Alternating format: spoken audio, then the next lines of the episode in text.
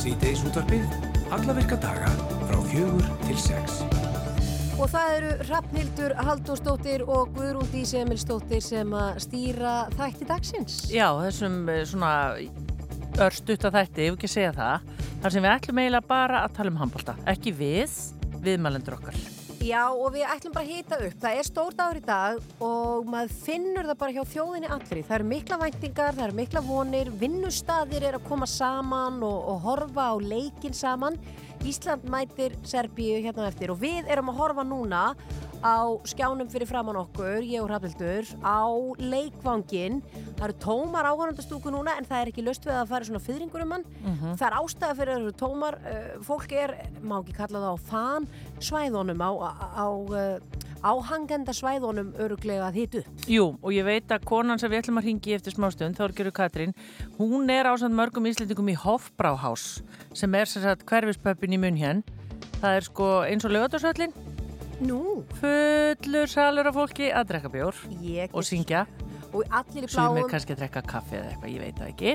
já ekki heitandrykka, kannski Mm. þá íste. Já, það er nú held ég svolítið kallt í munn hér, við fáum að vita það eftir smástund. En já, við ætlum að heyri hann eftir smástund og við ætlum líka að tala við Helgu Margréti Hörskullsdóttur og vonandi náum við að tala líka við Lóa Gersson sem verður að neikst að, já, ég held að hann sé bara, hann er okkar maður, Hann en hann er svolítið á ferðinni núna. Já, hann hefur nefnilega setið hér í EM eða HM stofunni alltaf, niður í stúdiói, stúdiói A hérna hjá okkur, en núna er hann hérna úti og finnur lyktin af því sem er að gerast. Jú, einmitt. Þannig að við ætlum að gera þetta, við förum að sjálfsögðu yfir helgaveðrið, við munum vera á uh, veðmiðlum og svona að fara yfir það helsta ef eitthvað, eitthvað gerist. Já, En annars er það bara upphittun og góð tónlist líka hraðildur. algjörlega. Og hérna,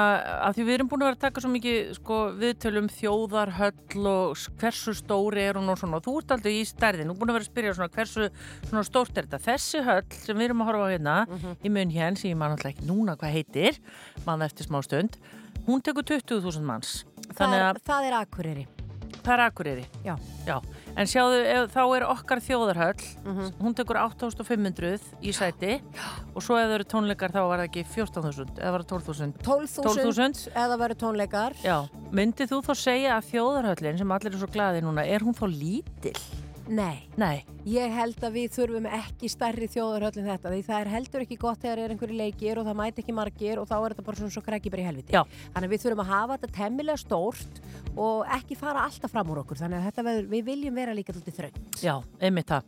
En við ætlum að hafa tónlist, við erum að hita upp hérna og Þorkell er aðeins að hérna, hita upp ratböndin. Það búið að setja mjög langa snúru fyrir Þorkell inn í stúdíóðu hérna. Að það er ekki ástæðuleysu því að þegar Þorkell Gunnar er að lýsa hér leikjum þá situr hann ekki kjur. Nei, hann setur alls ekki kjör. Segja frá þessu.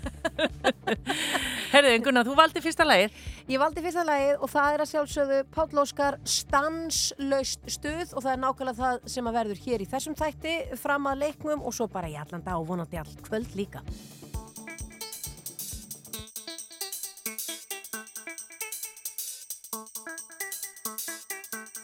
Byrjar aftur þessi ólýsanlegi kraftur sem líkt og tígrist í lægista bráð gefst ekki upp fyrir en dýrun en náð. Verður að fá lögin heyrast og stæltir fætur þurfa að reyfast frá fylgja mjálmittar ögrandi með og blessa gingrið sem bætir mitt get yeah alltaf sama gamla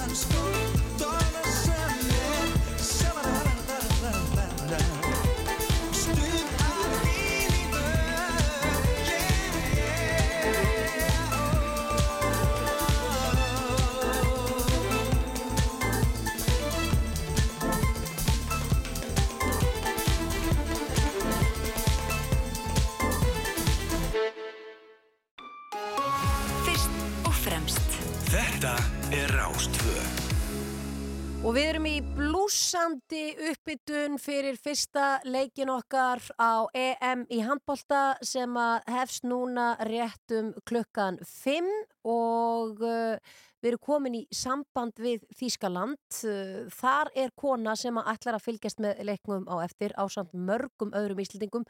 Það er um Þorgerður Katrín. Komdu sæl og blessu Þorgerður. Já, sælar báða tvær. Heil og sæl. Hey, ég vonið að heyrið í mér. Við heyrum alveg ljómandi vel í þig. Hvernig er stemmingin? Já, hún er náttúrulega gríðarleg. Hér er mikið mannafi, það er aðalega Íslands í þessum fallegu íslensku fánalitum og það er náttúrulega bara geggjur stemming ef ég segja alveg eins og er og þetta byrjar mjög vel uh, og svona veitum manni ákveðna öryggi þó að ég sé alveg að farast úr stressi. Ég verði að vikina það, alla neglir eru farnir allavega. Já, en sko Þorgirði þegar við töluðum við þig á síðasta stórmóti því þú ert náttúrulega okkar sko, hérna, við ringjum bara alltaf í þig. þá var röttin farin. er þetta rétt sem við heyrum? Er, er röttin strax byrjuð að bresta? Ef ekki að segja að ég, ég skinja það að ég þarf að, að spara mig núna næstu 40 minútunar en það er þannig og ég er búin að mín skilabóður til fólk sem sér er bara missiður röttin í dag, gefið allt með strákonum þeir muni gefa allt í, í leikin og við muni gefa allt í það að hvetja og svo höfum við daginn að morgu til að ná okkur og svo aftur einbyttum við okkur á sunnudeginum. En, en þetta er bara hluta því að, að, að eh, halda og fylgjast með handbólta, ég er búin að vera já, samofinn eh, handbólta og stórmótin í, í, í um 40 ár og þetta gerist mjög oft hjá mér. Ég veit ekki hvort þetta sé út af því ég er óþægilega tilfinningarík eða, eða ætt, ég veit það ekki, en ég allavega, það er gott að lifa sig inn í þennan leik og ég, er bara mjög spennt fyrir því sem að strákandi muni sín okkur í dag. Já. Þessi mikla breytt og, og sterku stráka sem að þeir eru með núna með, með þennan nýjum og spennandi þjálfara. Já, við hittum þið hérna á göngum rúf, ég held að sveimi þá verið bara í byrjun desember og þá varstu strax farin að hlakka til. Er þetta bara, er, Já. þetta, er, er þetta bara eins og jólinn? Þú hlakkar til alltaf? Já, já, já, þetta er, strax í uppáðu desember byrja, byrja ég að vera mjög pettuð fyrir þetta. Þetta er svolítið, þú veist, þessi mót í janúar er svolítið bara, jú, þú talar um jólinn, ég segi þetta sé bara ákveðin vorbóði, sko, þetta er bara eins og lóan fyrir mig. Og, og, hérna, og það er eitthvað undur einhverju töfrarsteppu sem, sem að byrtast okkur hér. Hér eru allir gladir á góðru stundu og við stöndum saman og svo bara gerist það sem gerist. En, en það sem að mér finnst svo væntum er þessi ófáslega eindregni og kraftur í fólkinni hérna til þess að láta strákana líka finna það að þeir eru með áttunda mannin með sér inn á vellinum og það gerist í Kristjánstad og ég vona svo innilega að það gerist hér en það engin ástæða til annars. Nei, sko við erum að horfa á, hérna höllina, hún er komin í mynd hérna í stúdíu því að Þorkell Gunnar mun lýsa hérna en, og þetta er náttúrulega risastór höll, þessi 20.000 manns eða eitthvað, bara af því þú eh, þekkir til í handbólta heiminu Þorkell og Þískaland er náttúrulega bara eitthvað annað þegar kemur að handbólta. Já, það verður að segja það eins og er og ég uh, nefndi Kristjánstad hérna áðan. Það var einstaklega vel að þessu staði af halvu svíjana hvernig þeir gerðu þetta síðast en það er, þeir taka þetta á næsta stig uh, þjóðverjarnir. Og uh, það er mikil fagmennska, það er náttúrulega alltaf annars það líka en það er Það er eitthvað meira og stærra. Og hann er, náttúrulega miklu stærri í rauninni heldur hann var þegar Kristján minn var í, í, í atvinnumennskunum og Alli Gíslo og Siggi Sveins og að þeir eru nú líka reyndar allir hérna í mismunandi hlutverkum á þessum móti að, að hérna, þetta er orðin miklu miklu stærra og það er meiri finnst mér metnaði núna heldur en áður líka hjá Þíska handbóltasambandinu að gera þetta vel. Það eru sterkir samningar, sjómasamningar og uh, það er gríðarlega mikill áhugi og það eru hér plakut út um alla borg af, af landsliðinu og, og landsliðunum og, og, og okkar manni í landsliðinu líka og það er, það er massa, ég sáum það líka svo vel og höfum séð það undarfarið eh, varðandi Champions League að það eru öllum sem að samanlustu það að Champions League sem er uh, helgin sem að bestu félagslið uh, Evrópu keppum og það er í Köln og Magdeburg meðal annars var það með, á síðasta vori. Öll liðin í öllum löndum vilja að Þískaland sjáum þetta því það er annað og meira að gerast bæði að hafa félagsliðum eða hjá félagsliðum en líka landsliðum og það er talandi um töfrana, það eru ákveðin töfra, það er ákveðin stemming, uh, þjóðir er bara einfallega að kunna þetta að halda stórmóti í handbólta og, og þess vegna er það mikið fagnaðarefni þegar uh, keppni, stórkeppni er í Þýskalandi. Hefur einhverja hugmyndu hversu margir Íslendingar eru þarna úti núna sem að ætla að vera áttundi maðurinn?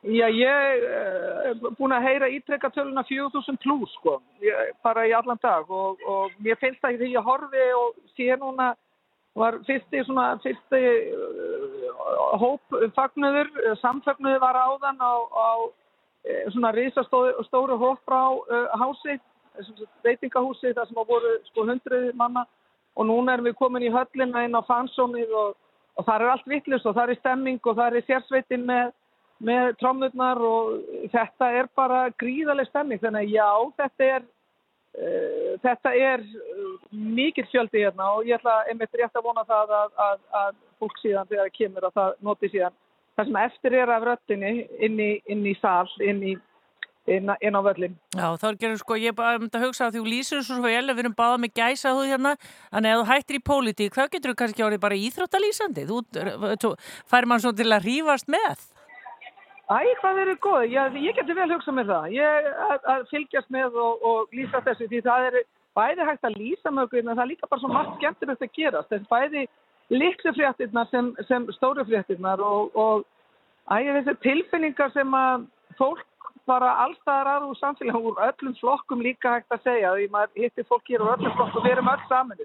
Og það er einhvern veginn, við getum öll farið í hópknús eh, á svona móti og svo bara gerist eitthvað annað þegar við komum heim. Mm -hmm. Við sendum öllum hlýjar hverjur, það eru allir, ég er að segja það, það eru bara, ég veit um fullt af vinnustöðum, það eru allir að koma saman og horfa á leikin, þannig að við sendum góða hverjur út og segjum bara áfram Ísland. Já, dásamlegt, áfram Ísland. Takk fyrir þetta Þorgiru Katrín. Takk fyrir. Já, bless, Takk bless. fyrir sem við leiðist. Bless, bless. Já, við, ég trúði að við hún eftir að heyra aftur í henni, ég er búin að, hún er alltaf ámætt, það er svo rosalega við þetta rósanda hjá okkur. Nú getur hún ekki sagt nei. Þessi elska, hún er alltaf til í þetta þegar við uh, heyrum í henni. Já. Það er líka svo gaman að heyra í henni af því að hún er bæði áhörandi og svo er hún svo ábáslega mikið þáttakandi út af sinni sínum. Við ekki að heyra í herra Nettismjör og lægi sem heitir Uttil hópa og bara ímynda okkur við séum öll að hoppa í Mosspitt í stemningunni.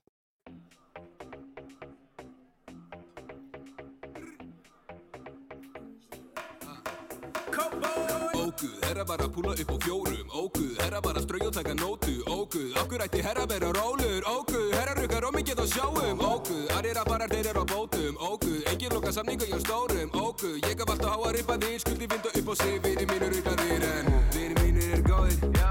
Þú til hópa, þú til hópa. Oftast. Vini mínir ekki dáfi Nei. Þú til hópa, þú til hópa. Stundum. Vini mínir náðu póka Já. Þú til hópa, þú til hópa.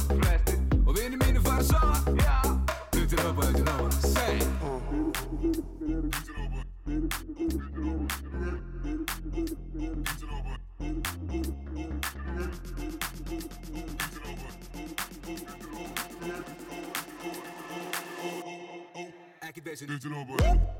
Þú til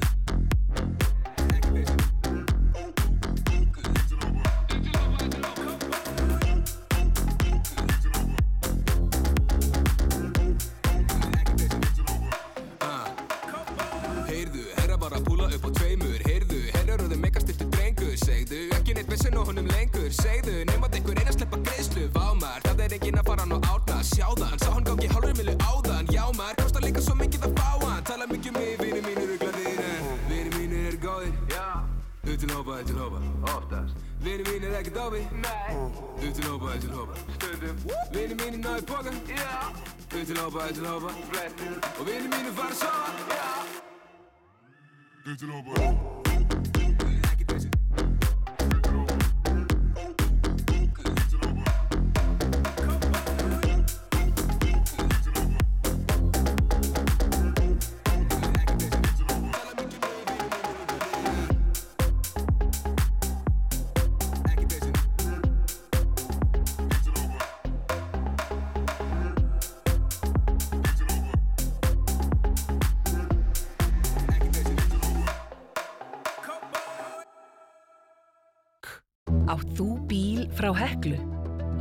torki á hekla.is getur þú skráð þig inn og séð allt um bílinn þinn og viðskipti þín við heklu. Eins og viðskipta yfirlitt, þjónustusögu, tímapantanir og tilkynningar um fyrirlikjandi þjónustu. Mitt tork, mín hekla. Skálum í ískaldri Coca-Cola og hvetjum strákun okkar til sigurs. Coca-Cola Síðdeis útvarpið. Á Rástfö.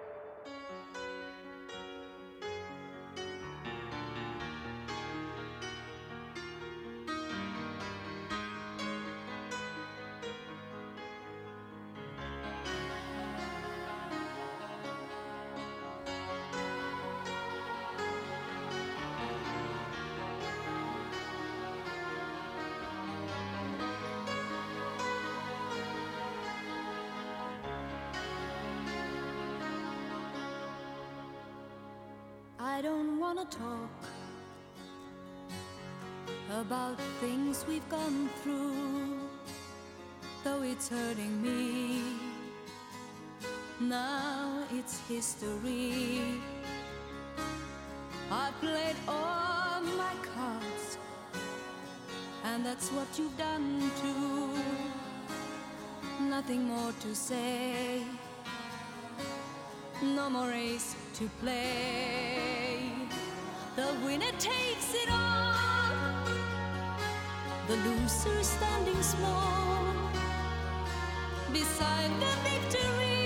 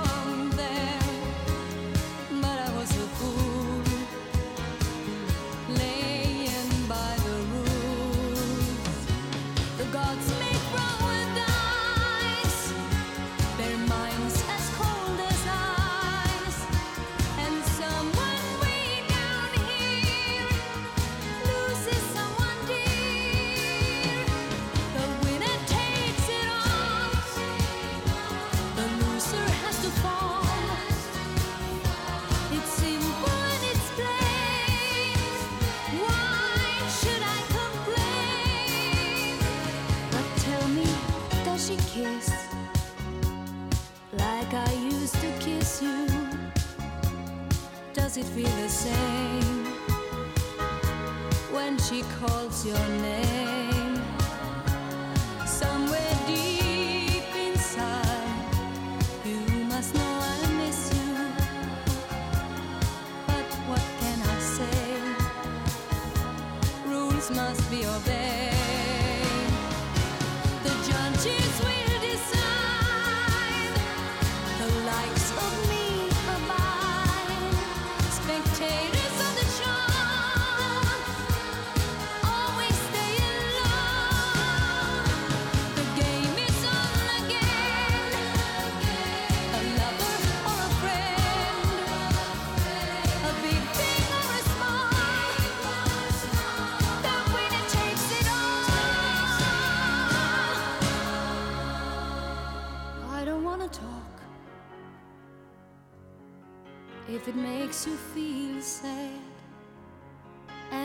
Understand, you've come to shake my hand.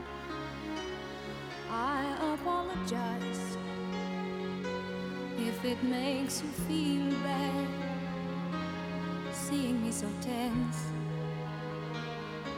no self confidence. But you see, the winner takes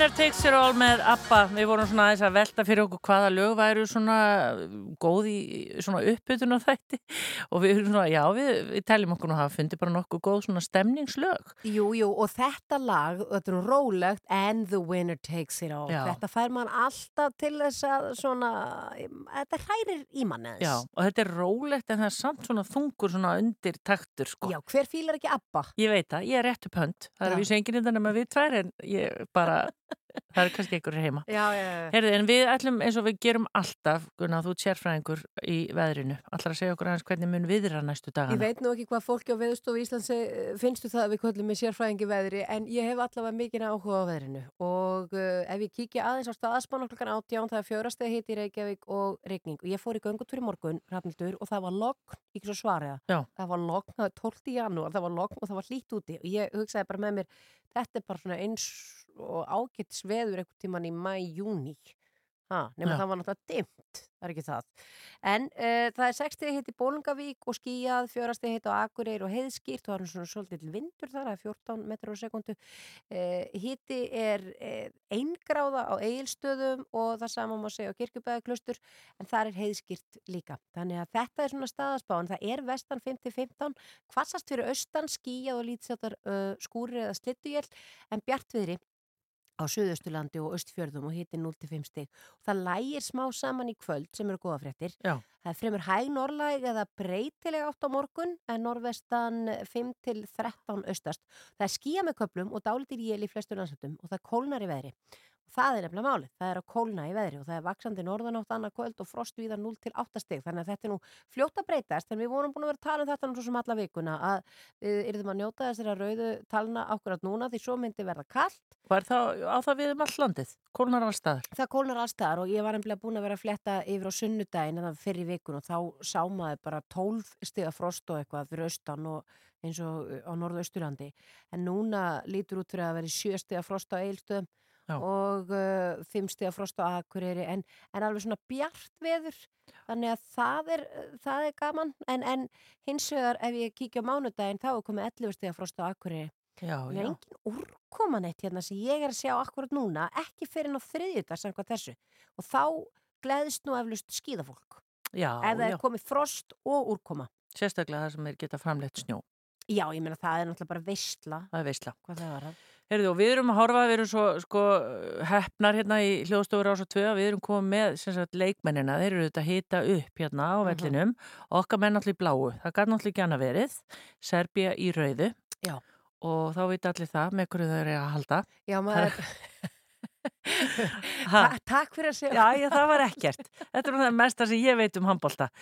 Nú, uh, síðan ætlum við líka að segja ykkur frá því að klukka 19.20 í kvöld á Rúf 2 þá er Ungveriland Svartfjallaland. Þetta eru náttúrulega liðin sem eru með okkur í reyðli. Já, það skiptir allir máli hvernig allir leiki fara. Já, við keppum við Svartfjallaland á sunnudag og svo Ungveri á þriðudag. Já. Þannig að það eru auðvitað einhverji sem bara sökva sér alveg ofan í handbóltan núna Já. næstu dagana. Í gær. Já, við verðum að halda líka með þeim. Þeir átt einhvern veginn höllina og var svo mikil meðbyr með þeim. Þetta var svo skemmtilegt. Töpuðu samt. Já, en ég meina fyrsta stórmóti. Ég veit það. Þannig ég var bara stolt að þeim. Já, en uh, hér á eftir við ætlum að uh, svona, já, þegar Þorkill Gunnar kemur þá ætlum við að freista þess að ná í uh, Helgu Margréti sem er stött í munn hérna á samtlóða gersinni og við ætlum svona aðeins að taka bara svona rétt púlsinn áður en að verður flautað til leiks og en við á meðan og þanga til þá erum við bara að nota tækifærið og reyna svona lifta stemningunni enn hærra en hún er og hér er Sálunars Jónsmins og lag sem heitir Sódóma.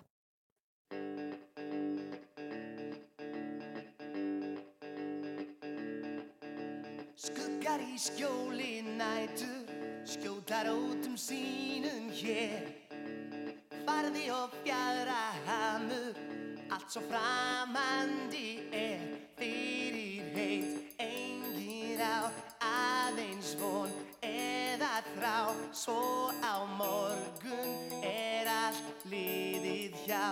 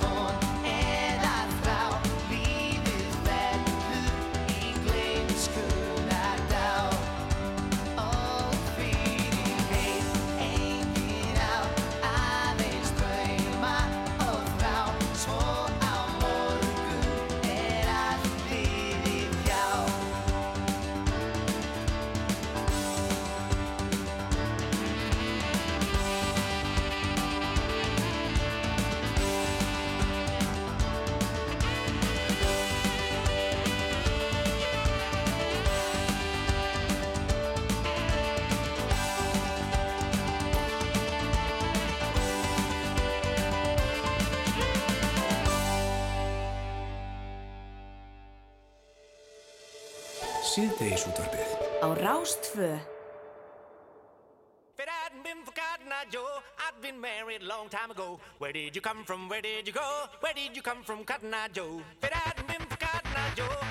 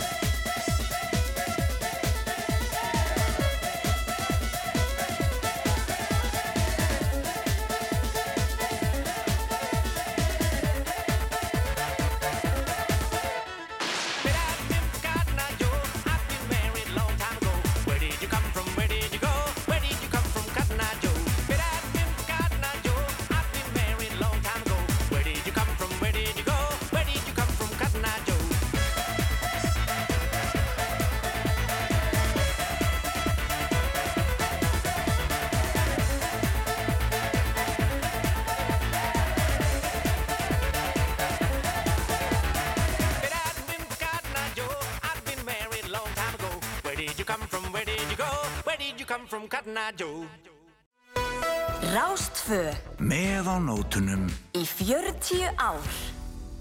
I'm ready to let you go. Won't hold you back no more. And God spreads your wings and fly away. And carrying you way too long. Like an obsession. I thought you were a living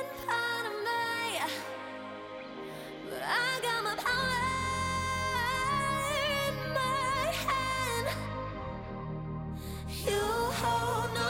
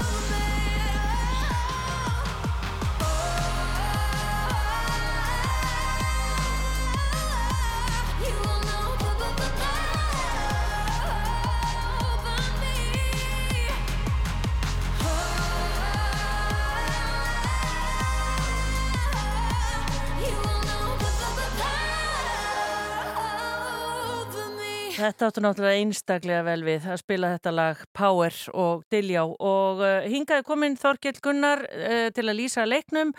Velkomin Þorkell. Takk fyrir. Uh, Heyrist ekki í mér? Jú, jú, það heyrist mjög vel í þér. Ertu spenntur? Já, ég, ég er mjög spenntur. Ég, svona, ég veit ekki alveg hvernig það svara sig. Ég er frekar rólegur samt fyrir þessu leik, en, en ég er spenntur, jú. Já, einmitt. Ég held að, wow, ég held að Helga Margrét Hörskustóttir sé þarna einhver staðar. Ertu þarna? Hérna, heyrið í mér í öllum þessum látum. Við heyrum aðeins í þér. Já, já. Hvar ert þú? Ég er bara í stúkunni. Já. Það er gjörsanlega alltaf að trillast. Hvað er, er uppse- uppselt á leikin? Það er talað um eitthvað rúmlega 3000 áhörundur. Heldur að sé, setja í öllu sættum? Sko, það er nú ekki setið í alveg öllum sætum, en uh, sko, ég bara horfi beint á blátt haf sem er bara eiginlega næstu allur annar helmingurinn af stúkunni. Þannig að það er það nóg Íslandingum. Og við munum eiga stúkuna. Það er, ekki bara, svona, hvað að segja, reytingur á serpum með við okkar fólk. Já, það heyrðist eitthvað aðeins í serpum inn í uppbytun en, en svo mættu Íslandingarnir og, og þeir hertóku þetta bara allt og það er búið að spila ferðalok og ég veit ekki hvað hvað sko, þannig að stemningin er orðin gríðarleg. Frábært. Uh, tveir utan hóps í dag, eins og eðlilegt er. Óðinn Þór Ríkarsson og Kristján Örn Kristjánsson. Donni, veistu eitthvað, hverju Óðinn er ekki í, í liðin í dag? Fenguðu ykkur svör við því fyrir leik?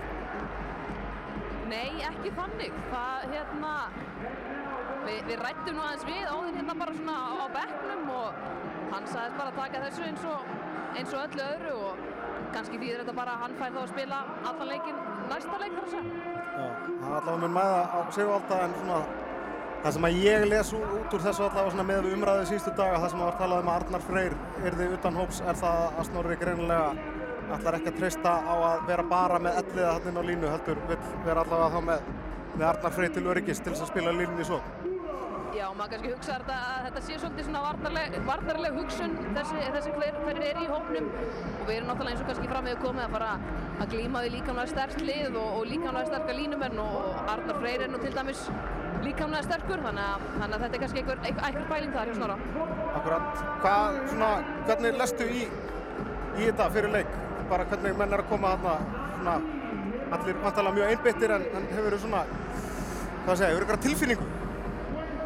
Sko, mér finnst, mér finnst, það, þú veist, það er búið að segja þetta marga oft en mér finnst vera létt yfir hópnum almennt, þeir voru hérna nokkri komnir frekar snemma fram á völl, bara eitthvað að leika sér að halda á lofti og svo framvegis, þannig að það, þú veist, menn eru bara léttir, Snorri var léttur, þannig að ég hef góða tilfinningu fyrir þessu. Ég vona okkar allra vegna en ekki síst þín vegna Helga það sem ég hef verið í þínu spórum að þetta endur með sigri. Það er miklu skemmtilega að taka þannig viðtölu til leik heldur en Algjörlega. vera með menn þunga. Herðu, skemmt þér yfir leiknum. Takk fyrir að að taka, taka tólið þetta úti. Takk fyrir þetta Helga. Áfram Ísland. Þorgill, ég ætla bara að gefa svona yfir á þig. Bara hérna, það hefur verið að kynna semst leikmennina, er það ekki? Jú, þannig að ég fer svona að fara í formulegri gýr hérna ef, að, ef hún er að hekka eftir í Já, umhverfislöðunum. Já, já, hérna eru umhverfislöðun. Þau eru hér. Þau voru aðeins öðruvísi hérna hjá Helgu því að, Það má alveg hekka vel í þeim bara. Ég, já, viltu hafa þetta alveg svona? líður mér eins og ég sé á staðnum. Ok. Þetta er flott. Yfir til þín Þorkell. Takk fyrir, það er Þorkild Gunnar Sigurbjörnsson sem heilsar hér á Rás 2 framöndar fyrstileikur Íslands á Evropamóti Karla í handbolta.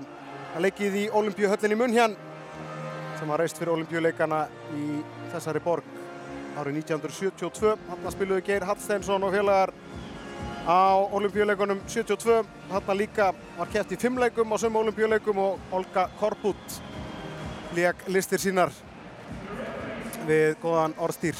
En það er sem sagt leikur Íslands og Serbíu sem er fyrsti, fyrsta viðurregn Íslands á þessu Evrópumóti. Það er ekki ná dómarana hér til leiks. Þeir eru heimamenn, koma frá Þýskalandi. Nei, ég er að bulla. Þeir koma frá Portugal og heita Daniel Akoto Martins og Roberto Akoto Martins. Þannig að ég ætla að leiða því líkur að þetta séu bræður. En um, rennum yfir lið Íslands. Það eru markverði Björgun Páll Gustafsson og Viktor Gísli Hallgrímsson. Aðri leikmenn Janus Staði Smárásson, nr. 4 Aron Pálmarsson, nr. 7 Viggo Kristjánsson, nr. 8 Bjarki Már Eilisson, nr. 9 Elvar Örn Jónsson, nr. 10 Íþróttamar Ásins Gísli Þorgir Kristjánsson, nr. 11 Ímir Örn Gíslason, nr. 14 Ómar Ingi Magnússon, nr. 17 Stífan Tópar Valencia á sínu fyrsta stórmóti, nr. 18 Elliði Viðarsson, nr. 21 Arnar Freyr Arnarsson, nr. 22 Sigvaldur Björn Guðjónsson, nr. 25 Haugur Þrastarsson og á sínu fyrsta stórmóti nr. 27 Einar Þorsteinn Ólafsson sonur Ólafs Stefánssonar en þá er bara komið að þjóðsöngum og við byrjum á þeim íslenska held ég alveg öruglega á hennu fyrir svo yfir lið Serba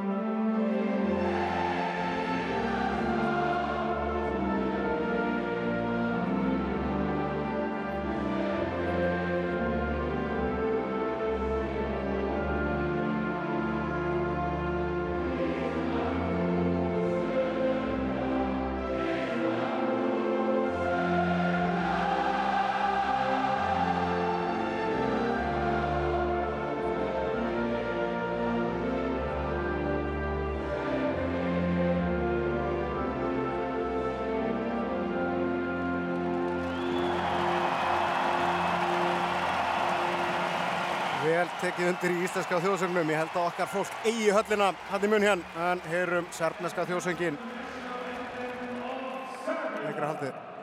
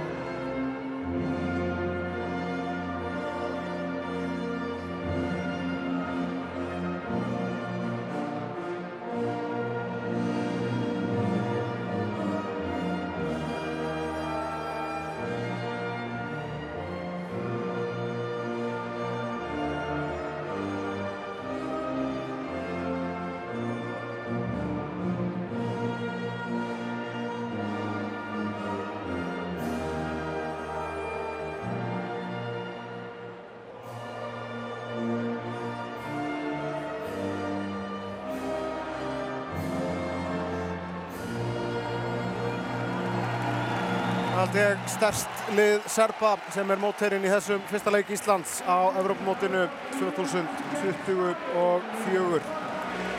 Snorri Steinn Guðjónsson að stýra íslenska landsliðinu í fyrsta sinn á stórmóti. Hann er til aðstofar Arnór Allarsson og Óskar Bjarni Óskarsson.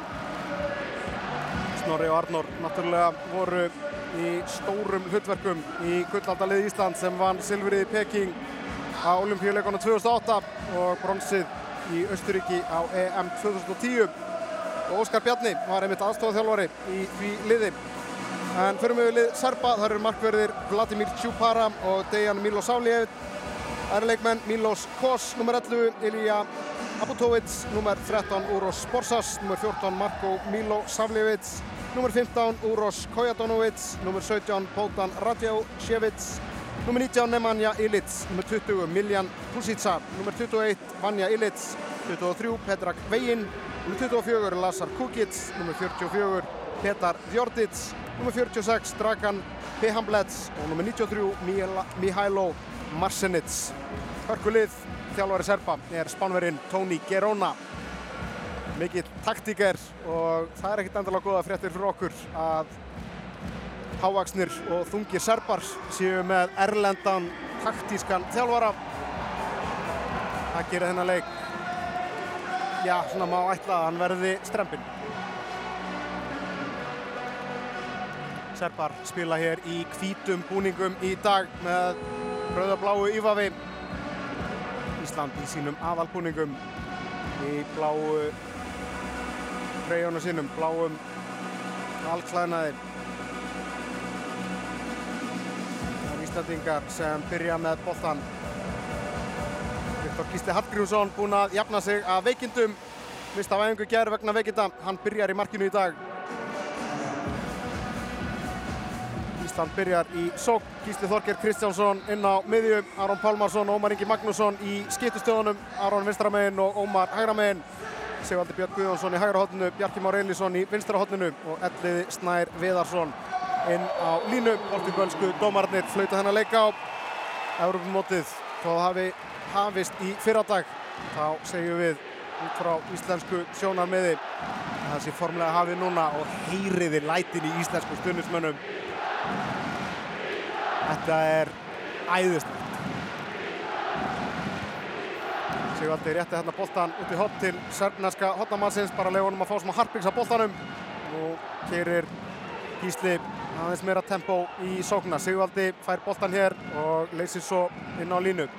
Nei, hann leipur aftur niður í hotnið. Gísli með boltan inn á miðu. Gísli fyrir Árásson, skilur hann eftir. Fyrir Aron Pálmarsson sem er með skot en þetta ver hins vegar Dejan Milosavljevic í markinu hjá Serbum. Fyrsta skotið hjá Íslandi Gegar.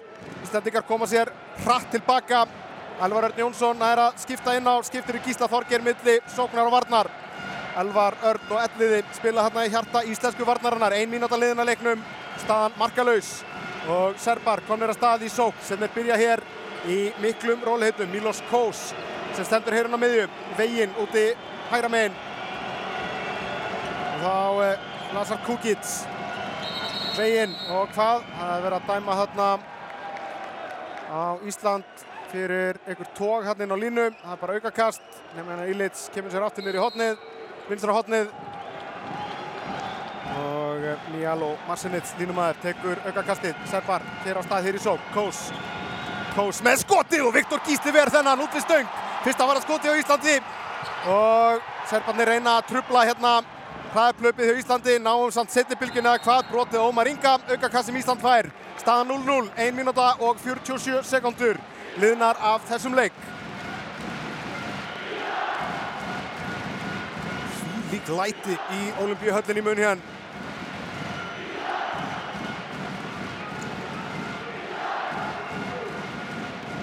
Koma Íslandingar hér aftur, keira sóknuna aftur í gang. Aron skiptir í Gísla og fer inn á miðju. Ómar áfram úti hægra megin. Gísli Þorgeir sækir á tvo hérna úti vinstra megin. Aron reynir línusendinguna elliða, elliði með þrjá á sér. Rífur sér lausan og hvað? Aukakast, ekkert viti.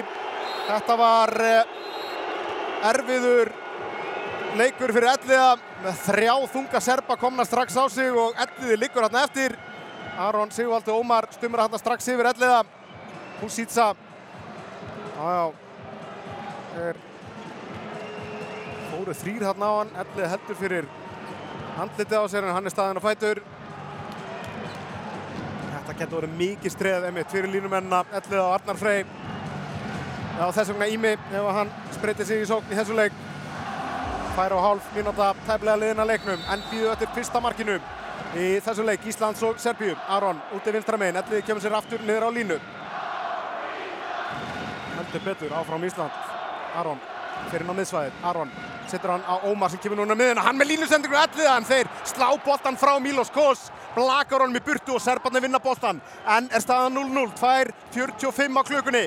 Kos á veginn og veginn í gegn og Viktor Gísli ver og Gísli Þorgir hyrði frákastið.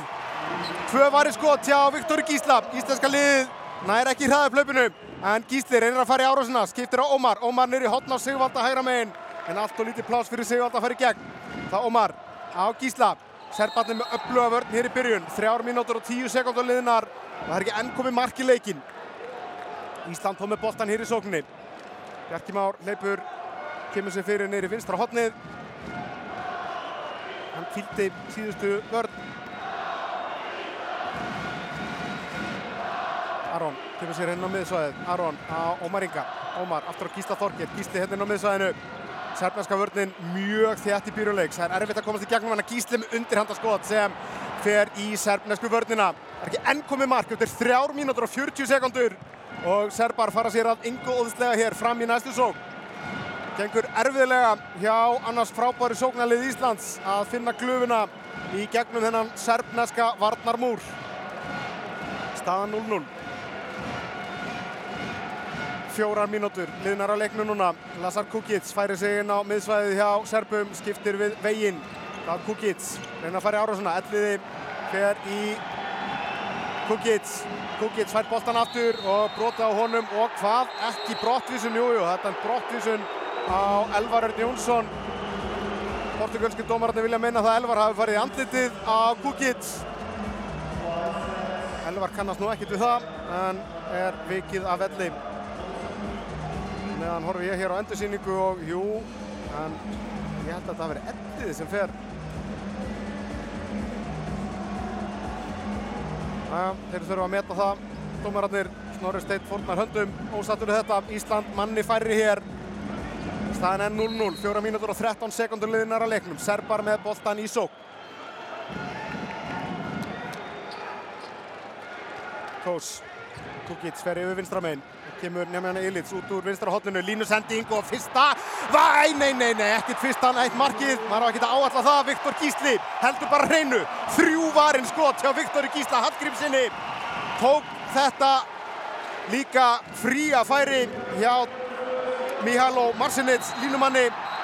Og Ómar fyrir gegn hinnum veginn skorar en þeir eru búin að flauta. Þannig að markið telur ekki. Milos Kós hins vegar reikin að velli með tveggja minúta brottvísun.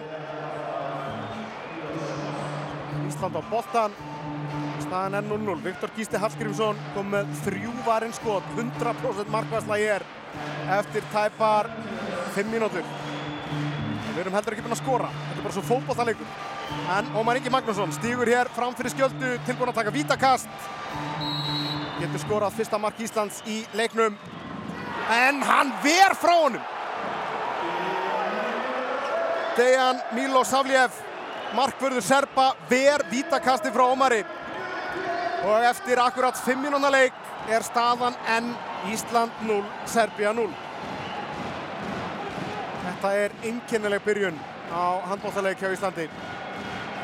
Spennustíð hins vegar hátt. Koma serbarnir. Veginn, engin í marki á serbum. Þeir eru manni færri, já manni færri, bæði lið með manni kælingu. Og hér koma serbarnir í gegn og skora fyrsta marki í leiknum. Það gerir Úros Borsas. Og kemur serbum yfir en Íslandingar fljótir að svara. Skori aukt markið hver annar en Elliði Snær Viðarsson. Hann með svarta beltið í að skora í opið markið í hröðunleik. Þessi backspin tæknans, þessi úrliðshreyfing. Þegar hann opnar boltan. Ísland 1, Serbia 1. Serbarnir opna hins vegar hér út í hægra hotnið. Nei, fær í sirkus og skora Nemanja Ilits. Það koma Serbum í 2-1. Níu sekundur eftir að refsi tímanum hjá Íslandi. 6 mínútur umar, liðnar á leiknum. Og Serbar 2-1 yfir.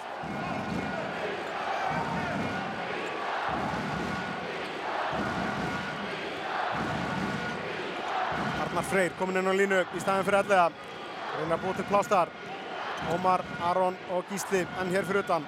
Aron leysir hún á línu líka úti hægra minn. Fær línu sendinguna frá Ómari og Aron Pálmarsson klikkar hér úr færi af línunni. Setur hann í gólfið og yfir. Ég held ég hef aldrei á æfuminni séð Aron Pálmarsson aður fara inn af línunni. Ég ætla að mann ekki eftir því. En einhvern tíman er það allt fyrst en þetta hins vegar í gólfið og yfir. Svo kallar Barbasinski. Ísland 1, Serbia 2. Þetta var 7 mínútur liðnar að leiknum og Serbarnir í sók. Veginn, Íslandingar syngja og tralla hins vegar á pöllunum. Veginn kemst ekkert hérna í gegn, hægra meginn, þá Kukic. Veginn, veginn reynar að fara á Aron. Fyrir gegn Viktor Gísliver, fjóruða var það skoti af Viktori en aftur til mótherja. Og Serbar koma sér á stað hér í enn enna sóknuna fjögur varir skot hjá Viktor Gísla. 67% markaslæði honum. Á veginn veginn reynur alltaf hérna gegn Bjarki Már brítur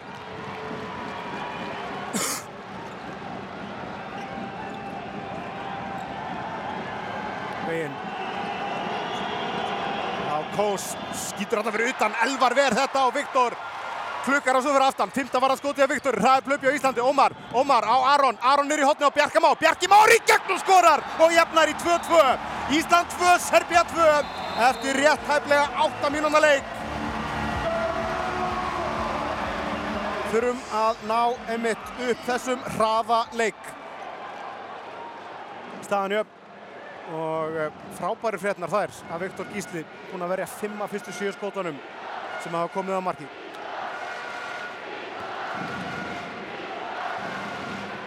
Serbarnir koma hér af staði sóknuna, veginn.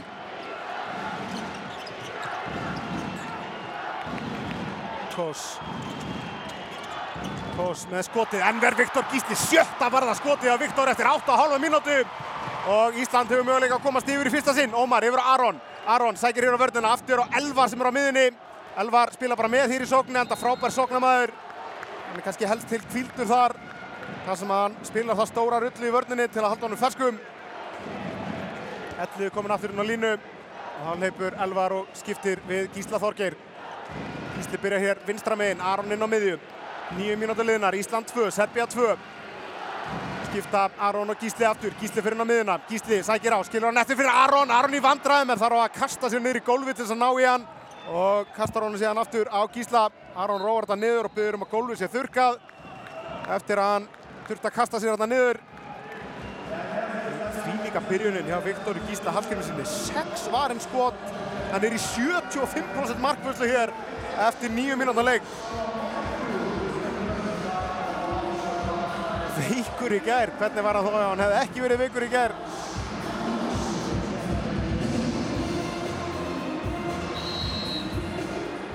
Sóknin komin aftur í gang. Gísli Þorgeir hér inn á miðunni á Aron út í vinstra megin. Aron, Ómar, Ómar inn á miðsvæðar, reyna að snú af sér tvo skilur á nettu fyrir elliðin á línu. Frábær serbnesk vörn og þeir brjóta á elliða. Serbarnir að spila virkilega sterka vörn hér á þessum fyrstu mínútum. Mjög erfitt fyrir íslenska liða að koma sér í gegnum hana. Hendurnar á lofti á Dómrón. Fjóra sendingar Ómar fer í undirhandaskotið en það tekur vörninni á Serbum og Milo Savljev markvörður klukkar hann svo fyrir aftan. Staðan 2-2 þegar rétt liðlega 10 mínútur úr liðnar. Ekki mikið skora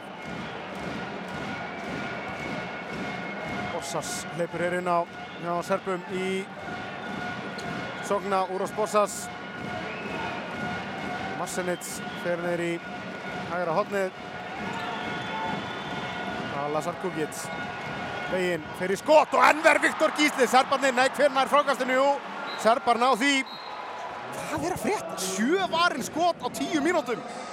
Hjá Viktor Gísla. Hann er í 78% markvörslu eftir rúmlega tíu mínúta leik.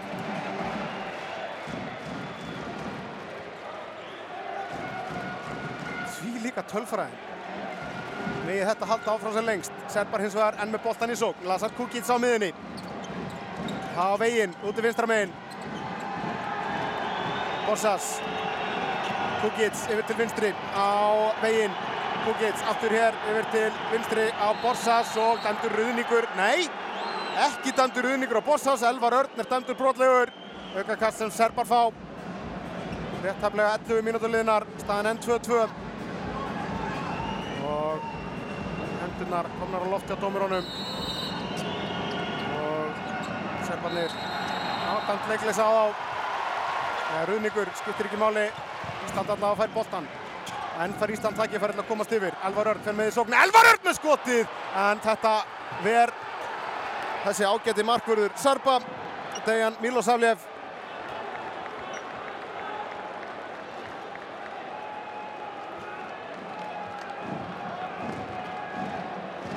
fjóraða skoti sem hann ver.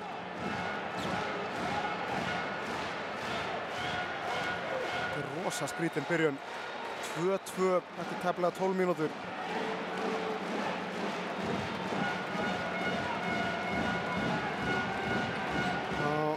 Ratasjevic, Bóta Ratasjevic þeir inn á línu, þeir inn að djöblast áfram hann að serbarnir og hvað gerir við að reyka ellið að vantarlega velli eða hvað, það er alltaf vera að kalla á sjúkrateimi hjá serbum liggur eitt serbin eftir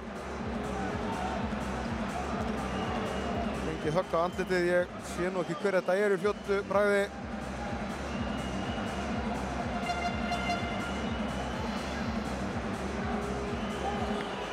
Er að fá skjáinn dómararnir til þess að skoða þetta. Eða hvað?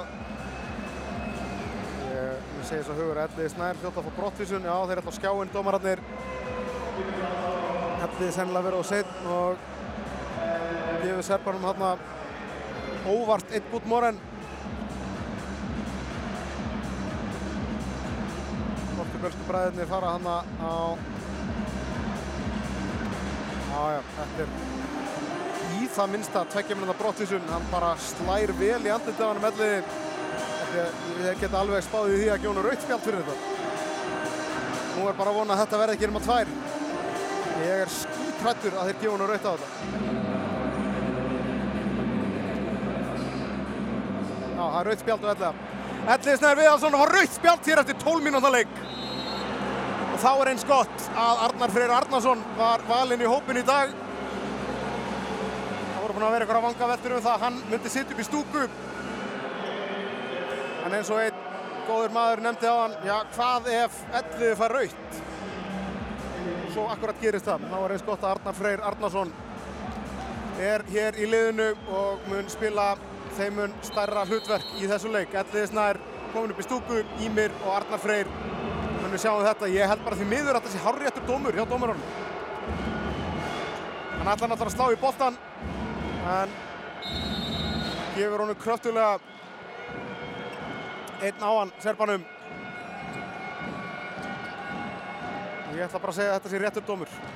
Því miður, sjálfsögðu ekkert viljaverk. Við erum einu færri, 12 mínútur liðnar, serbar fara í gegnumbrot, en ver Viktor Gísli! Það er í gangi, átta varinn skot! af tíu sem hann hefur fengið á sig. Hann er í 80% markvöðslu eftir rétt rúmar 12, 12 mínútur. Ég hef aldrei séð svona framistuði byrjuleiks. Já, hérna hér, 8 varinn skot á 12 mínútur. Staðan þó enn 2-2. Við þurfum að fara að finna lausnir á þjættum varnarmúr Serpa. Ímir kemur inn á línu hér. Á Gísli Þorgeir, Gísli og hann fær plásið og sækir vítakast. Og það var spurning hvort Ómar reyni aftur eða hvort að Bjarki Már verði sendur á vítapunktinn, það er nú fullt af fleiri góðum vítaskiptum aðna, Viggo Kristjánsson til dæmis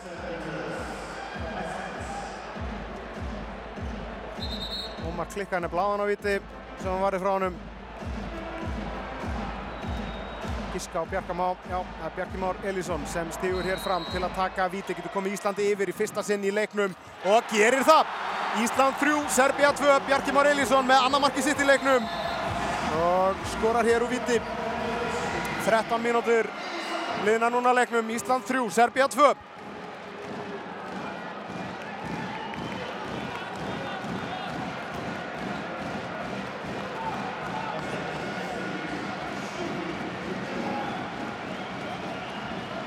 Ímir kominn inn í vörnina í miðja vörnina í staðin fyrir elliða. Þá 34 sekundur eftir að refsi tímanum á Serbarnir á fullri færð henni sókninni. Íslandingar gera vel í að loka manni færri. Serbarnir finna klöfu og skora. Lazar Kukic með fyrsta marki sitt. Og jafnar í 3-3 13 og hálf mínúta rúmlega liðina leiknum. 15 sekundur og Ísland verður með fullskipa lið. Viktor hleypur úr markinu Sittur hjá hérna í þessar tíu sekundur meðan Ísland kemur sóknun á stað. Elvar Örn fer í vinstri skittuna í staðin fyrir Aron.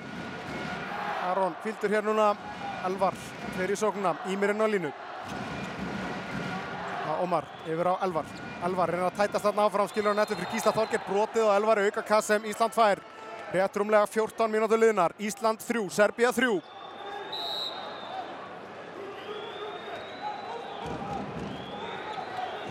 Elvar yfir til vinstri á Gísla Þorger. Gísli Þorger fer maður á mann. Gísli í gegn og sækir auka kast. Hendurnar hins vegar komnar á loft hjá dómurónum. Það er líka til marksum það hvað serfneska vörðin er þétt að við séum að fá hendurnar upp á mót okkur. Gísli með línusendingun á Ími. Ímir klikkar úr opnu línufæri. Og enn er staðan 3-3. þegar 14 mínútur og 42 sekundur eru liðnar að leiknum. Verðum að skora úr galopnum línufærum. Hann verið þetta, held ég, Mílos Aflef. Hann komi fingur gómanum í boltan hann það.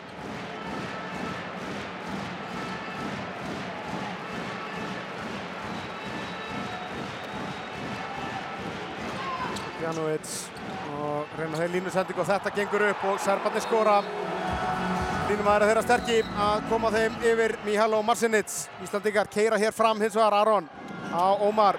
Brotið á Ómar eða hvað? Áfram með leikinn segja dómarandi og Ómar reynir að tróða mun inn á línu. Mikið lætið þarna. Gríðarlega fysiskur leikur. Ef við leiðum mér að sletta líkamlegur leikur. Ísland á aukakast hér, 15,5 minúta liðin, Serbía leiðir með einsmarksmun, 14-13. Nei, 14-13, 4-3. 4-3 fyrir Serba, Íslandingar hér með aukakast. Koma boltanum leik, Ómar með frábært mark í skrefinu. Neldi þennan inn að miðsvæðinu, Ómar Ingi Magnússon. Fyrsta markið hans í leiknum og jafnar metin, Ísland 4, Serbía 4. 16 mínútur liðnar á leiknum. Algjörlega frábært mark hjá Ómari. Jaft í liðum og Serbar koma hér af staðið sókn. Lazar Kukic, nefnina Ílits, leysir inn á línu, vinstur hotamæðurinn. Þá uh, Serbarnir áfram. Kukic. Kojadonovic. Og Kukic og ágætis vörn hjá Ímeðan henda endur brotlegur aukakast, hendnar hins og konar á loftja dómarónum. Það þýðir að þá á sóknarliðið mestalagi fjórar sendingar eftir að hann að dæmt leiktöf. Handa uppréttingar hjá dómarónum er sem sagt viðvörun um yfirvofandi leiktöf. Og þeir verða að fara í skot og Viktor Gísli ver. Nýju varinn skot hjá Viktor Gísla hér eftir rétt heflega 17 mínútur. Ómar, niður í hótt á Sigvalda. Sigvaldi í gegn og skorar og kemur Íslandi yfir, tvö marki röð hjá Íslandi. Ísland 5, Serbia 4 og Elliði sést fagna þarna upp í stúku.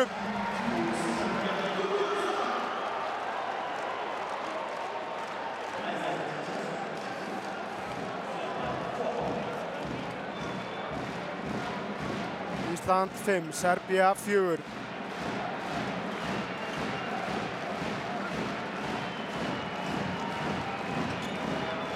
Serbarnir koma hér af staðið sók, Lasa Kukic, sækir á Ími, við að skilja boltan eftir hún á línu, stólinn bolti á Ómari, hraðuplöp, Sigvaldi, Sigvaldi einn á móti markmanni, fyrir gegn, en skýtur í slána út.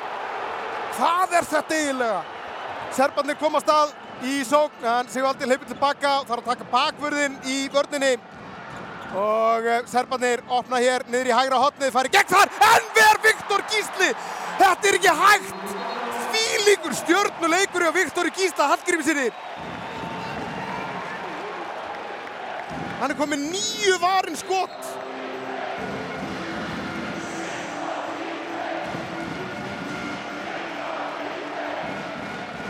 Eftir 17-18 mínútur, það er komið 18, rúmar 18 mínútur, þá er Viktor Gísli með 69% markvist. Ég hef bara ekki séð svona alveg. Ekki lengi allavega. Og bara alls ekki á Íslandi. Serbarnir kera hér áfram, menn með boltanir og koma um á línu, dæmt brot, aukakast sem Serbar fá. Ísland leiðir með einsmarksmun, 5-4 eftir 18,5 mínútu. Aron Pálmarsson tók hérna hraustlega á Úros Kojadinovic.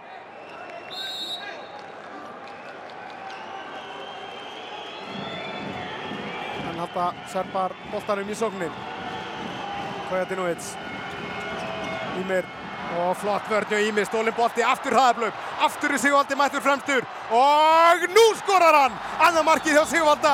Og Ísland komið tveimur mörgum yfir, Ísland 6, Serbia 4, Serbarnir hins vegar með hraða miðju, það þurfa allir að skilja sér tilbaka, hátt tempo í þessu leik, mikið læti, Aron kemst inn í sendingu, Aron Pálmarsson stelur að grýta honum fram. Á Bjarkamái Elísson sem skorar og Ísland komið í 7-4, 4-0 kapli hjá Íslandi. Fjögur mörk í röð, Bjarki Mál hleypur þetta fyrir framann íslensku áhörönduna og uh, reynir að fá þá með sér lið. Serbar taka leiklef, Ísland komið þremur mörgum yfir í 7-4 eftir um 19 mínúta leik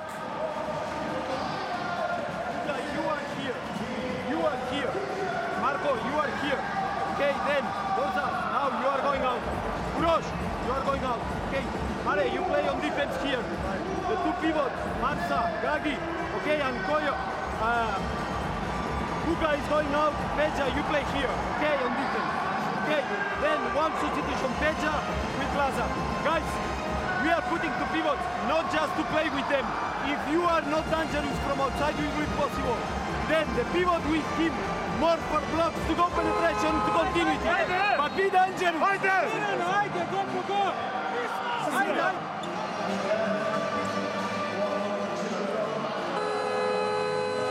19 mínútur og 15 sekundur liðnar að leiknum. Ísland búinn að skora síðustu fjögur mörg leiksins, breytti stöðunni úr 3-4 í 7-4. Bjarki Már Elísson kom með þrjú mörg, Sigvaldur Björn Guðjónsson 2.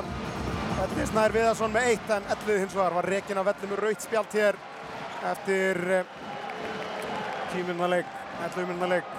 Viktor Gísli Hallgrímsson hins vegar kongurinn á vellinum með nýju varinn skot á þessum 18 mínútum. 69% markværsla hjá Viktor Gísla. Serbar koma hér í sókn eftir leiklið, þremur mörgum undir. Lazar Kukic, flott vörn í Íslandi, Elvar fer hérna vel út en það opnast hér hins út í hægra hotnið og þar skora Serbanir. Þetta mark skorar eh, Bojan Radosjevic, minkar munin niður í 7-5. Elvar, Elvar fær frýtt færi en þetta hins vegar veran í markinu. Dejan Milosavljev en varði þetta í innkast. Það var að gera betur með plassið sem hann fekk. Frábær sending frá Aroni. Ísland heldur boltanum, Arnar Freyr kemur inn á línu. Elvar Örn út í vinstra megin. Gísli Þorgir á miðunni, Ómar Ingi hægra megin. Sigvaldi og Bjarki Hónal á Gísli, Gísli fer í gegnubrótt hægra megin og brotið á hannu þar. Auka kass sem Ísland fær. 20 minútur og 25 sekundur liðnar á leiknum. Ísland 7, Serbia 5 Freyr kemur sér aftur hér niður á línu. Ómar færi sig hérna meira yfir á hægri, reynir línusendinguna og hvað? Já, fótur á Serba, fótur þarna á Marcinits. Ísland hættu bóttan. Ísland 7, Serbia 5, rétt hefðlega 21 mínúta liðin á leiknum. Elvar hérna inn á miðsvæðinu, Gísli út í vinstra megin, Arnar kemur og fer inn á línu, Bjarki Már leysir líka inn á línu, Ómar reyna að tróða boltanum inn á línu, gengur ekki, Serbarnir ná boltanum, hraðuplaup, Nemanja Ilits í hraðuplaupinu fyrir Serba og skorar og minkar munni hér niður í eitt mark. Tvö mörk í röð hjá Serbum sem hafa það með minkar munni niður í 7-6. Sér innan við nýju mínútur eftir að fyrir áleik og Gísli Þorgeir að fá auka kast. Það leikli hjá Serbum að virka. Ísland búið að missa þryggja marka fórskot niður í eitt mark.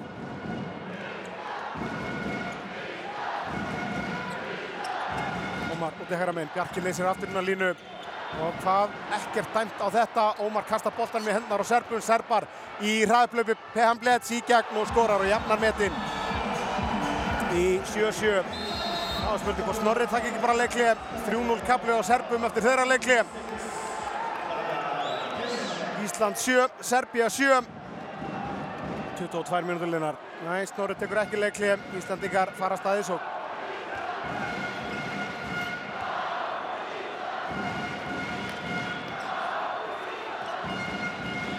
Gísli Viggo kominn í hægri skiptuna. Þá Elvar Örn inn á miðju. Elvar, Elvar geysist áfram og skýtur í markmannin og inn. Elvar Örn Jónsson kom Íslandi í 8-7 þegar 22 mínútur og 20 sekundur eru liðnar og hraða miðjan mislukast hjá Serbum. Elvar Örn Jónsson ekki var nú gott að hann hefur jafnað sig af þessum kviðmeðslum. Algjör líkil maður í vörn. Svo er hann frábær sóknarmaður einn af fjölmörgum selfisingum í hópnum. Elvar Örn Jónsson. Ísland leiði með einsmarksmun 8-7 þegar réttur um að 7 mínútur eftir að fyrir áleik Lazar Kukic missi sér boltan henda fyrir framann fæturnar á Ími. Elvar gríti boltanum hér fram en Serbarnir komast inn í þetta en slá boltan út af. Ísland heldur þó allavega boltanum og Ísland hafi ekki fengið hraðaplöpið Ísland marki yfir og með boltan Elvar, Viggo og Gísli hér fyrir utan á Íslandi. Arnar Freyrin á línu. Viggo og Elvar kastar boltanum rólega sín á milli og nú keirir Gísli Þorgeir tempóð í gang, færi sinna miðu, Gísli, Elvar út af vinstra megin, þröngt færi fyrir Bjarka í hotninu og Mílos Aflef ver þetta í markinu hjá Serbur.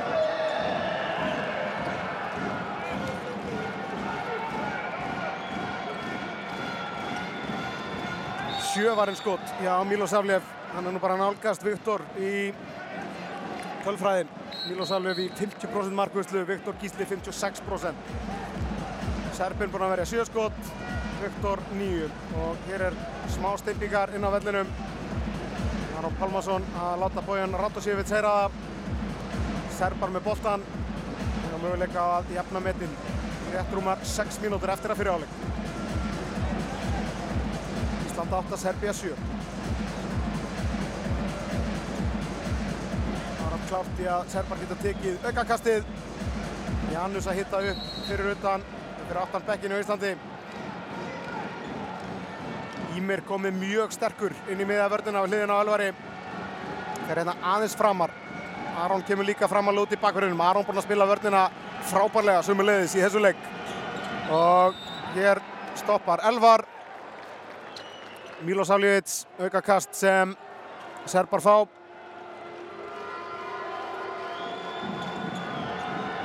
Milos Avljevic reyna aftur að sækja Elvar, kemur hann á Lazar Kukic. Kukic í vandræður, reyna að sækja aftur á Elvar og hvað unnin bolti. Aron kasta boltanum fram á Sigvalda. Sigvaldi í hraði blöfinu. Þeir í gegn og skorar og kemur Íslandi tveimur mörgum yfir. En þessi varnar framistaða hjá Ími og Aroni Pálmarsinni algjörlega upp á allavega 9-5. Sigvaldi Björn Guðjónsson að skora sitt þriðja mark í leiknum. Þriðja stóðsendingin hjá Aroni. Ísland 9, Serbia 7.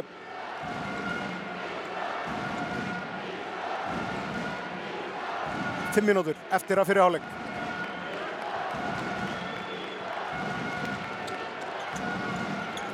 Veginn. Og Ímir gerir vel hérna í að stoppa Serbana. Serbanir halda boltanum í leikrinn og kominur í hotn og halda boltanum í leik. Elvar og Ímir fara framalega út á móti veginn núna og hér kemur skotið þarna velli sem að sjálfsögðu Viktor Gísli ver. Tíunda var að skotið af Viktor Gísla í fyrri hálfleik sem er ekki einu sinni búinn. Elvar Örn hleypur fram hér með boltan yfir á Viggo. Viggo kemst hins vegar hvorki löndni strönd og þarf að róa þetta niður. Sendir inn á miðsvæð og Elvar og við fáum tvær skiptingar hér milli Varnar og Sognar. Arnar Freyr og Gísli Þorger hlaupa hér inn á 4 mínútur og 15 sekundur eftir að fyrir áleik. Ísland 9, Serbia 7 og Íslandingar með boltan. Arnar Freyr fær boltan inn á línu og Arnar Freyr Arnarsson skorar! Kemur Íslandi þremur mörgum yfir. Fyrsta markið á Arnari Frey. Við þurfum að dæla sjálfströstun í hann því að þetta er maður sem við þurfum að halda á þessu móti.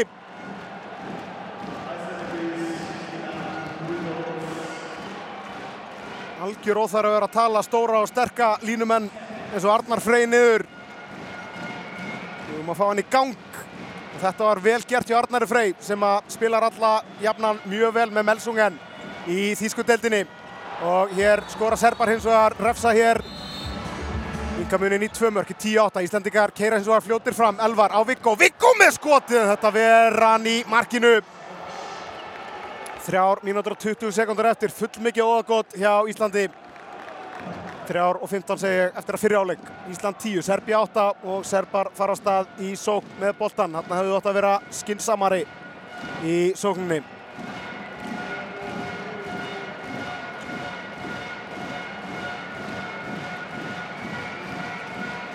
Veginn Milos Avljevic, Veginn færi sig yfir til hægri og Milos Avljevic á miðuna. Veginn reyna að koma boltanur í hot, flott vörðni og Janusi sem að leysir Aron af hann í bakverðinum. Og Serbarnir með gott gegnubrót er dæmt á þá skref. Skoruð hann búið að dæma skref, Ísland fær boltan, Elvar þrumar hann hann fram, Serbarnir fljótið tilbaka. Janus er hann á miðju, Janus er hann að fara maður á mann og kastar hans auka upp í loftið og jú, það slegi höndin á hann auka kassi sem Ísland fær. Munaði minnstu að við töpum frá okkur boltanum flott að eiga Janus inn á bekknum búin að vera frábær með Magdeburg í þýsku deildinni það sem hafi leiktið það endur sína skrefið þarna sóknu undan hjá Serbum háréttu dómur hjá Portugalunum sem að mínum mati hafi dæmt þennan leik mjög vel. Ísland leiðir hérna með tveggja marka mun þegar 2 mínútur og 31 sekundar eftir að fyrir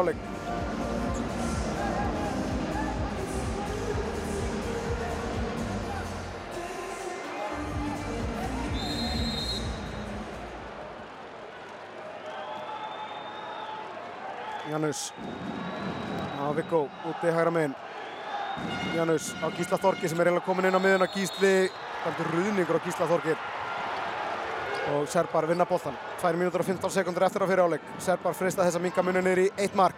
Gísli leipur tilbaka niður í hotni í vörnina. Serbar fara inn á línu og skora og minga munni niður í eitt mark. Pehan Bleds með annar marki sitt 2 mínútur eftir að fyrir áleik Ísland 10, Serbia 9, Gísli, Viggo í hotnið á Sigvalda sem skorar fjórða marki sitt.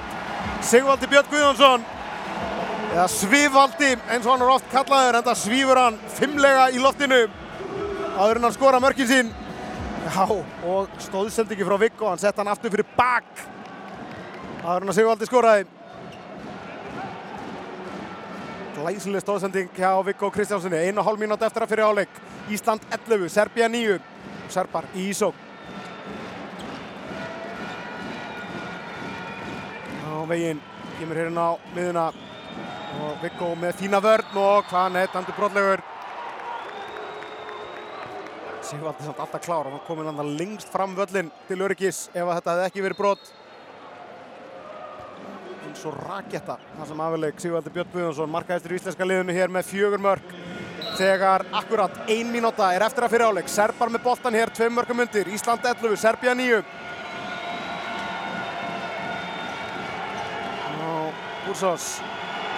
Flott vörn í Íslandi, þeir koma hérna framalega með bakverðina Viggo og Janus. Og láta sig svo falla til niður. Veginn, flott vörn í Íslandi. Og Serbar ná hins vegar að tróða boltanum inn á línu og skora þar sopnaði vörnin í eitt andartak á Íslandi og Dragan Pekhamlets með þriðja marki sitt. Vingar munin er í eitt mark, Ísland 11, Serbia 10 það er hálf mínúti eftir að fyrir áleik. Spurning hvort Snorri takir leikli eða hvort hann treysti sínu mönu bara fyrir þessu. 20 sekundur eftir, já, tekur Snorri leikli það er 19 sekundur eru eftir á klukkunni í fyrir áleik.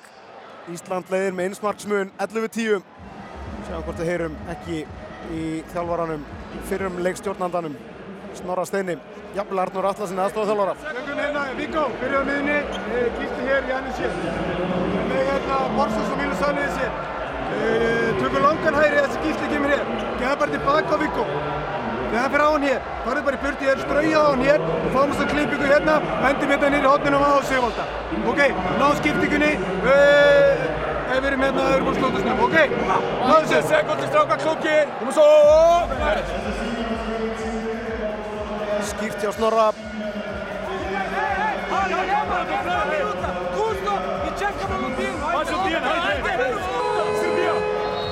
Arnur Atlason myndi á það í lokin 19 sekundur eftir verið klókir en Snorri þetta var skýrt hjá honum hvernig þetta spila boltaninn sín á milli að hann lendir niður í hotni þar sem Sigvaldi á að taka skotið Eða sem mest um tíma koma boltan og svo fyrir rest niður í hotn skilja eftir 3-4 sekundur þegar Sigvaldi á að fara í gegn Gísli byrjar hérna úti hægra megin og tekur aukakasti tíminn kominn í gang Janus og Viggo með fyrir utan Viggo núna á miðinu, Gísli hægra megin Þetta tegnast upp eins og Snorri vildi hér til að byrja með. Viggo á Gísla. Gísli árásina, skilur hann eftir á Janus. Janus eins og með skotið, þetta fór hann ekki eins og við vildum. Skotið framhjá, Serbar hafa fjóra sekundur. Þrjuma boltanu fram og Gísli vinnur vörnina hér. Vinnur varnavinnina vel og stoppar. Og hvað er ekki einu snið dæmt aukakast. En sóknin allavega eins og Snorri teiknaði upp, gekk því miður ekki upp hér í lokin. Enda á að Janus varð að skjóta, stökk upp og skaut framhjá. Ísland leiðir að engu að síður með einsmarksmun hér að loknum fyrirháleik í skrítnuleik. Það var 2-2 eftir ykkur á 12 mínútur.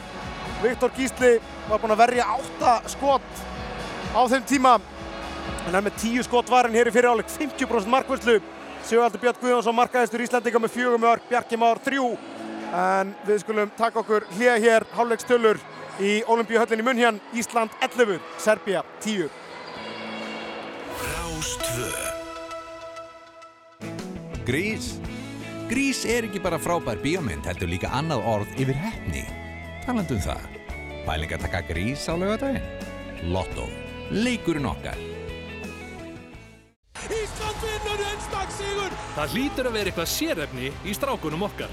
Sérefni, litir, gleði og tær hamingja eins og hjá handbóltalandsliðinu. Hágæða húsgögn fyrir skapandi vinnuumhverfi, heimstæktir framleiðendur og fagleg ráðgjöf. A4 fyrir skapandi líf. Oftar en ekki vantar eitthvað eitt. Krambúðin. Digital marketing. Lærðu að skipulegja á fræðilegum grunni og framkvæma skref fyrir skref eigin markasherferðir á netinu og á samfélagsmiðlum. Tíu vikna hagnýtt og verkefna miðar fjarnám í digital marketing, NTVAF skólinn. Kia Sportage Plug-in Hybrid. Fjórhjóla drifin með 7 ára ábyrgð og alltaf 70 km drækni á rafmagni. Kondu og reynsluaktu. Aska Krókálsi. Nú getur þú fengið Toyota RAV4 á góðum kjörum. Komd í heimsókn, spjallaði þið ráðgjafa hjá viðurkendum söluaðlum um all land og kerðin í glænýtt ár á glænýjum bíl. Toyota. Förum lengra. Já hérna, förstudagspotturinn stefnir í 17,9 miljardar. Eurojackpot breytir lífinu tvisvar í viku. Landsliðið fær sína orku frá þjóðinni. Þjóðin fær orku frá okkur. Í hotni á Bjarka. Bjarki í gegn og skorar! Háberg stiður strákana okkar. Toyota BZ4X er fullkominn fjórhjóladrifin rafmaks sportjeppi sem er ennþá á betra verði hjá betri nótuðum bílum. Toyota Kauptúni. Rástvö. Viltu læra að nýta þér grafíska hönnun, læra að setja upp vefsíðu í WordPress eða gera stuttmynd? Kennum á Photoshop, Premiere Pro, Illustrator og InDesign. NTVAF skólinn. Bara að staðfesta að ísinn frá Fjátsið til nefi er lagður á stað. Ískerðarmestarinn pakka honum persónulega í búðin í Róm. Já, bæði stracciatella og pistacini og kom honum í sirluna, þóttan á standbæ, þannig að desertin verður klár fyrir kvöldið hjá ykkur vestur í bæ.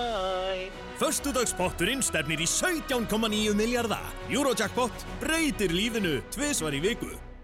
Oftar en ekki í næsta nágrenni. Krambúðin. Komdu í ljósadeild Báhás og fyndu drauma ljósið þitt. Við höfum eitt mesta úrval landsins á einum stað. Vertu velkominn. Báhás. Eitt mesta úrval landsins. Happadagur er svo frábært konsept. Við vitum ekkert hvernig hann kemur. Eina sem við vitum er að laugardagur er alltaf líklegur. Lotto. Leikurinn okkar. Um áramótin var tekið upp kílometragjald fyrir akstur rafmaks, tengiltvinn og vettnisbíla. Örugir vegir eru forsenda lífskeiða um allt land. Fjármögnun þeirra þarf að kvíla á tröstum grunni. Skráðu kílometrastöðuna þína fyrir 20. janúar á ísland.is. Það tekur enga stund. Tvær mínútur og 6 sekundur eftir og Björgvin er vítið! Við gerum alltaf okkar besta fyrir þig. Múrbúðin stiður strákana okkar. Stígum létt spór inn í framtíðina. Berglind er traust og vistvæn steipa með lágu kólefnispori. Berglind byggir vistvætni framtíð með BM Vallá. Breytingar gerast með krafti fólksins. Dale Carnegie. Mannlega hliðin á breytingum. Rúf stjörnur. Gjafðu strákunum okkar stjörnur eftir hvern leik á EM. Hverjir voru bestir? Náður í appið og fáðu EM beint í æð. Rúf stjörnur. Gjafðu strákunum okkar stjörnur á EM. Rástfö Með á nótunum. í 40 ár.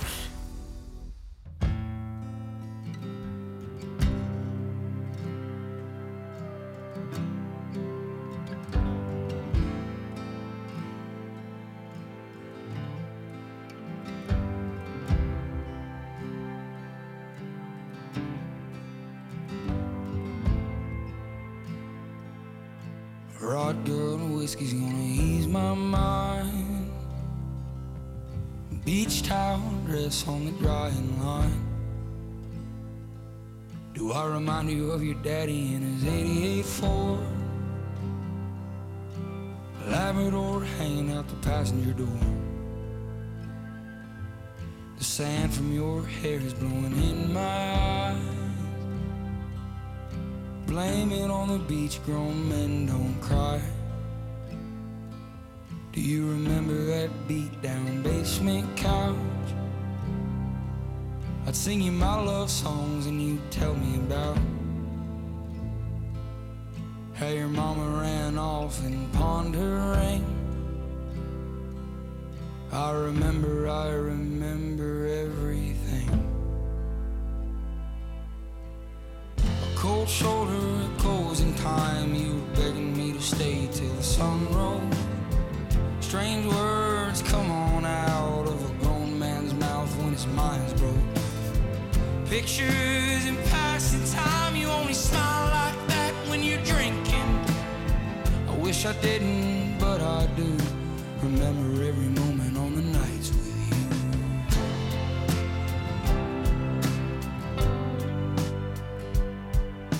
You're drinking everything to ease your mind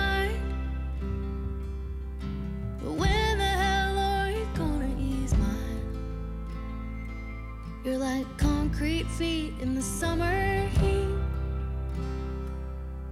It burns like hell when two souls meet.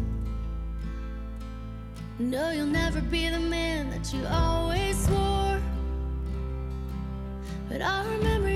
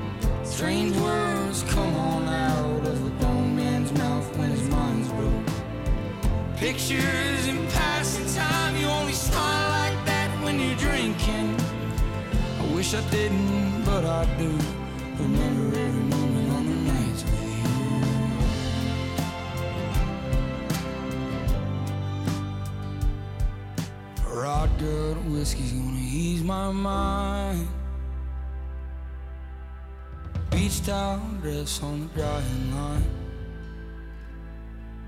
Do I remind you of your daddy in my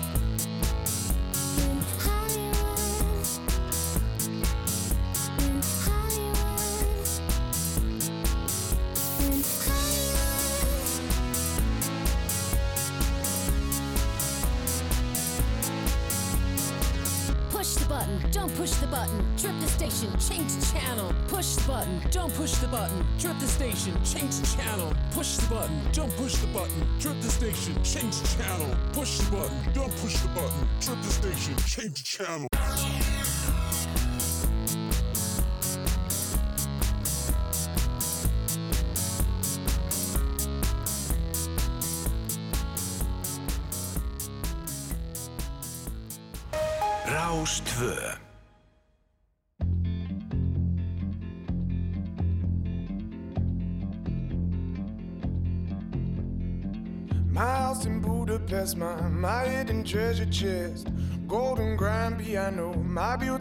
Focus you.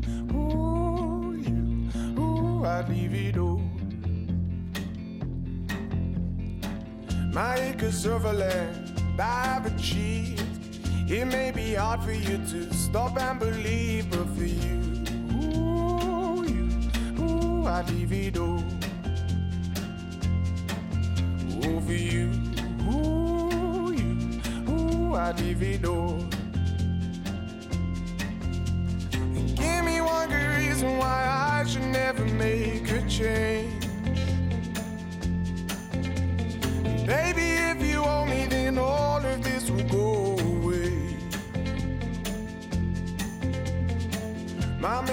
artifacts, the list goes on. If you just say the words, I, I'll up and run onto you. Ooh, you, ooh, I divido. Over you, ooh, ooh, I divido. Give me one good reason why I should never make a change.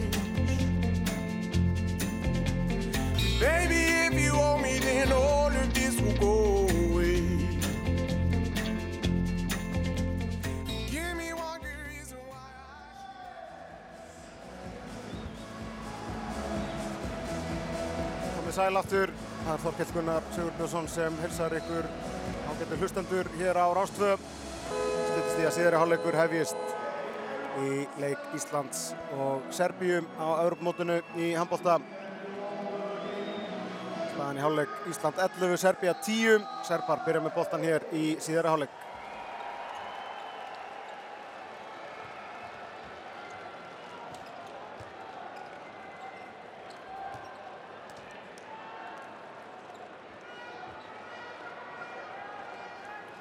Milos Hafliðits inn á miðunni með Petar Djordits úti vinstra meginn sem er að koma hérna inn á í fyrsta sinni í leiknum og þess að hann er svona að reyna að koma að hitta í sig. Og Serbar með skot fyrir utan og það endar í markinu. Serbar að jafna metin hér. Radosjevits með markið fyrir Serba. Jafnar í 11-11 þegar 40 sekundur er liðnar af síðara hálfleik. Ómar hérna fram strax í sóknar fyrir Ísland á Janus á miðunni Janus og Þá er brotið á Ími hann inn á miðunni.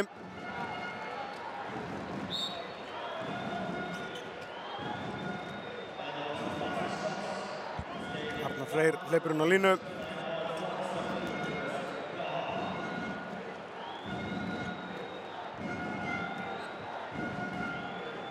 Janus. Ísli Þorgir. Ísli Þorgir sækir hér á vörnuna, fer í gegn en rifið þarna aftan í hann, vítakast og sennilega tveggja minna brottvísun. Gísli liggur þarna eftir. Ekki öxlin á manninu, bara please ekki. Gísli býði sér hérna fram hjá Púsitsa. Hann er einmitt að snúa sér strax fyrir lendinguna þannig að öxlin lendir nú ekki í vesinni.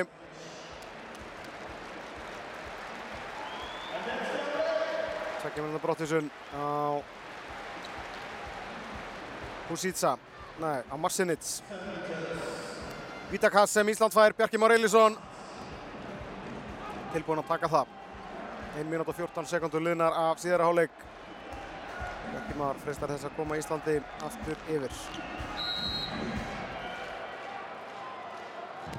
En þetta ver markmaðurinn hins vegar annað vítið sem hann ver Dejan Milosavljev búinn að verja tvö víti í þessu leik. Komið nýju varinskot þar á tvö víti. Staðan því ennjöp 11-11 allt og dýrt að vera að klikka á þessu vítum. Sérstaklega þegar það er komið í fleirtölu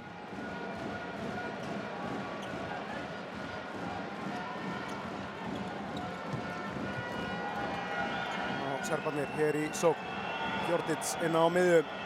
Kemur hann miðjulega hægri. Og þar reynir eh, veginn að koma sér í gegn. Bjarki Már stoppar hann, tvær myndir liðnar að setna áleik Serbar með engan í marki. Og hér kemur skotið fyrir utan hjá Serbum. Beint í markið. Viktor sá þennan í genið sinni. Petar Fjordits með markið fyrir Serba. Serbar komnir yfir í 12-11 þetta er fljótt að breytast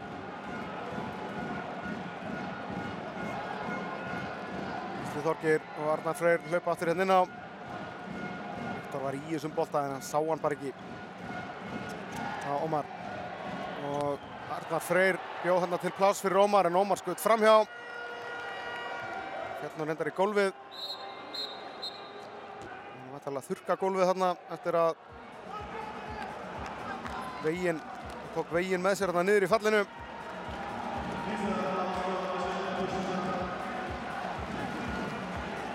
Serbar komnir marki yfir og eru með boltan þegar 2 mínútur og 40 sekundur eru liðnar af síðara hálfleik.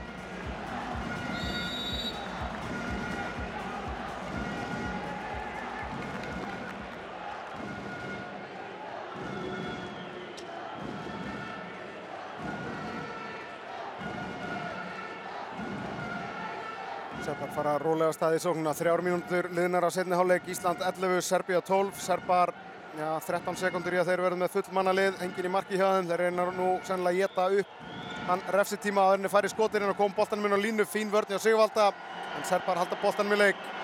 Þá rennur refsitímin út hjá Serbum og þá takaði skoti sem Elvar Örn ver og Ómar kastar sér á eftir boltanum, næri ekki að blaka honum inn á. Þetta missir hann út af og Serbar eiga innkast. Taka það hér strax og hvað? Boltin dæmdur af Serbum. Ruðningur á Serba. Íslandingar koma hér fram. Nú er bara að jafna Janus á Elvar. Elvar yfir á Ómar. Þeir fara vel út á móti Ómari og brjóta á honum. Auka kast.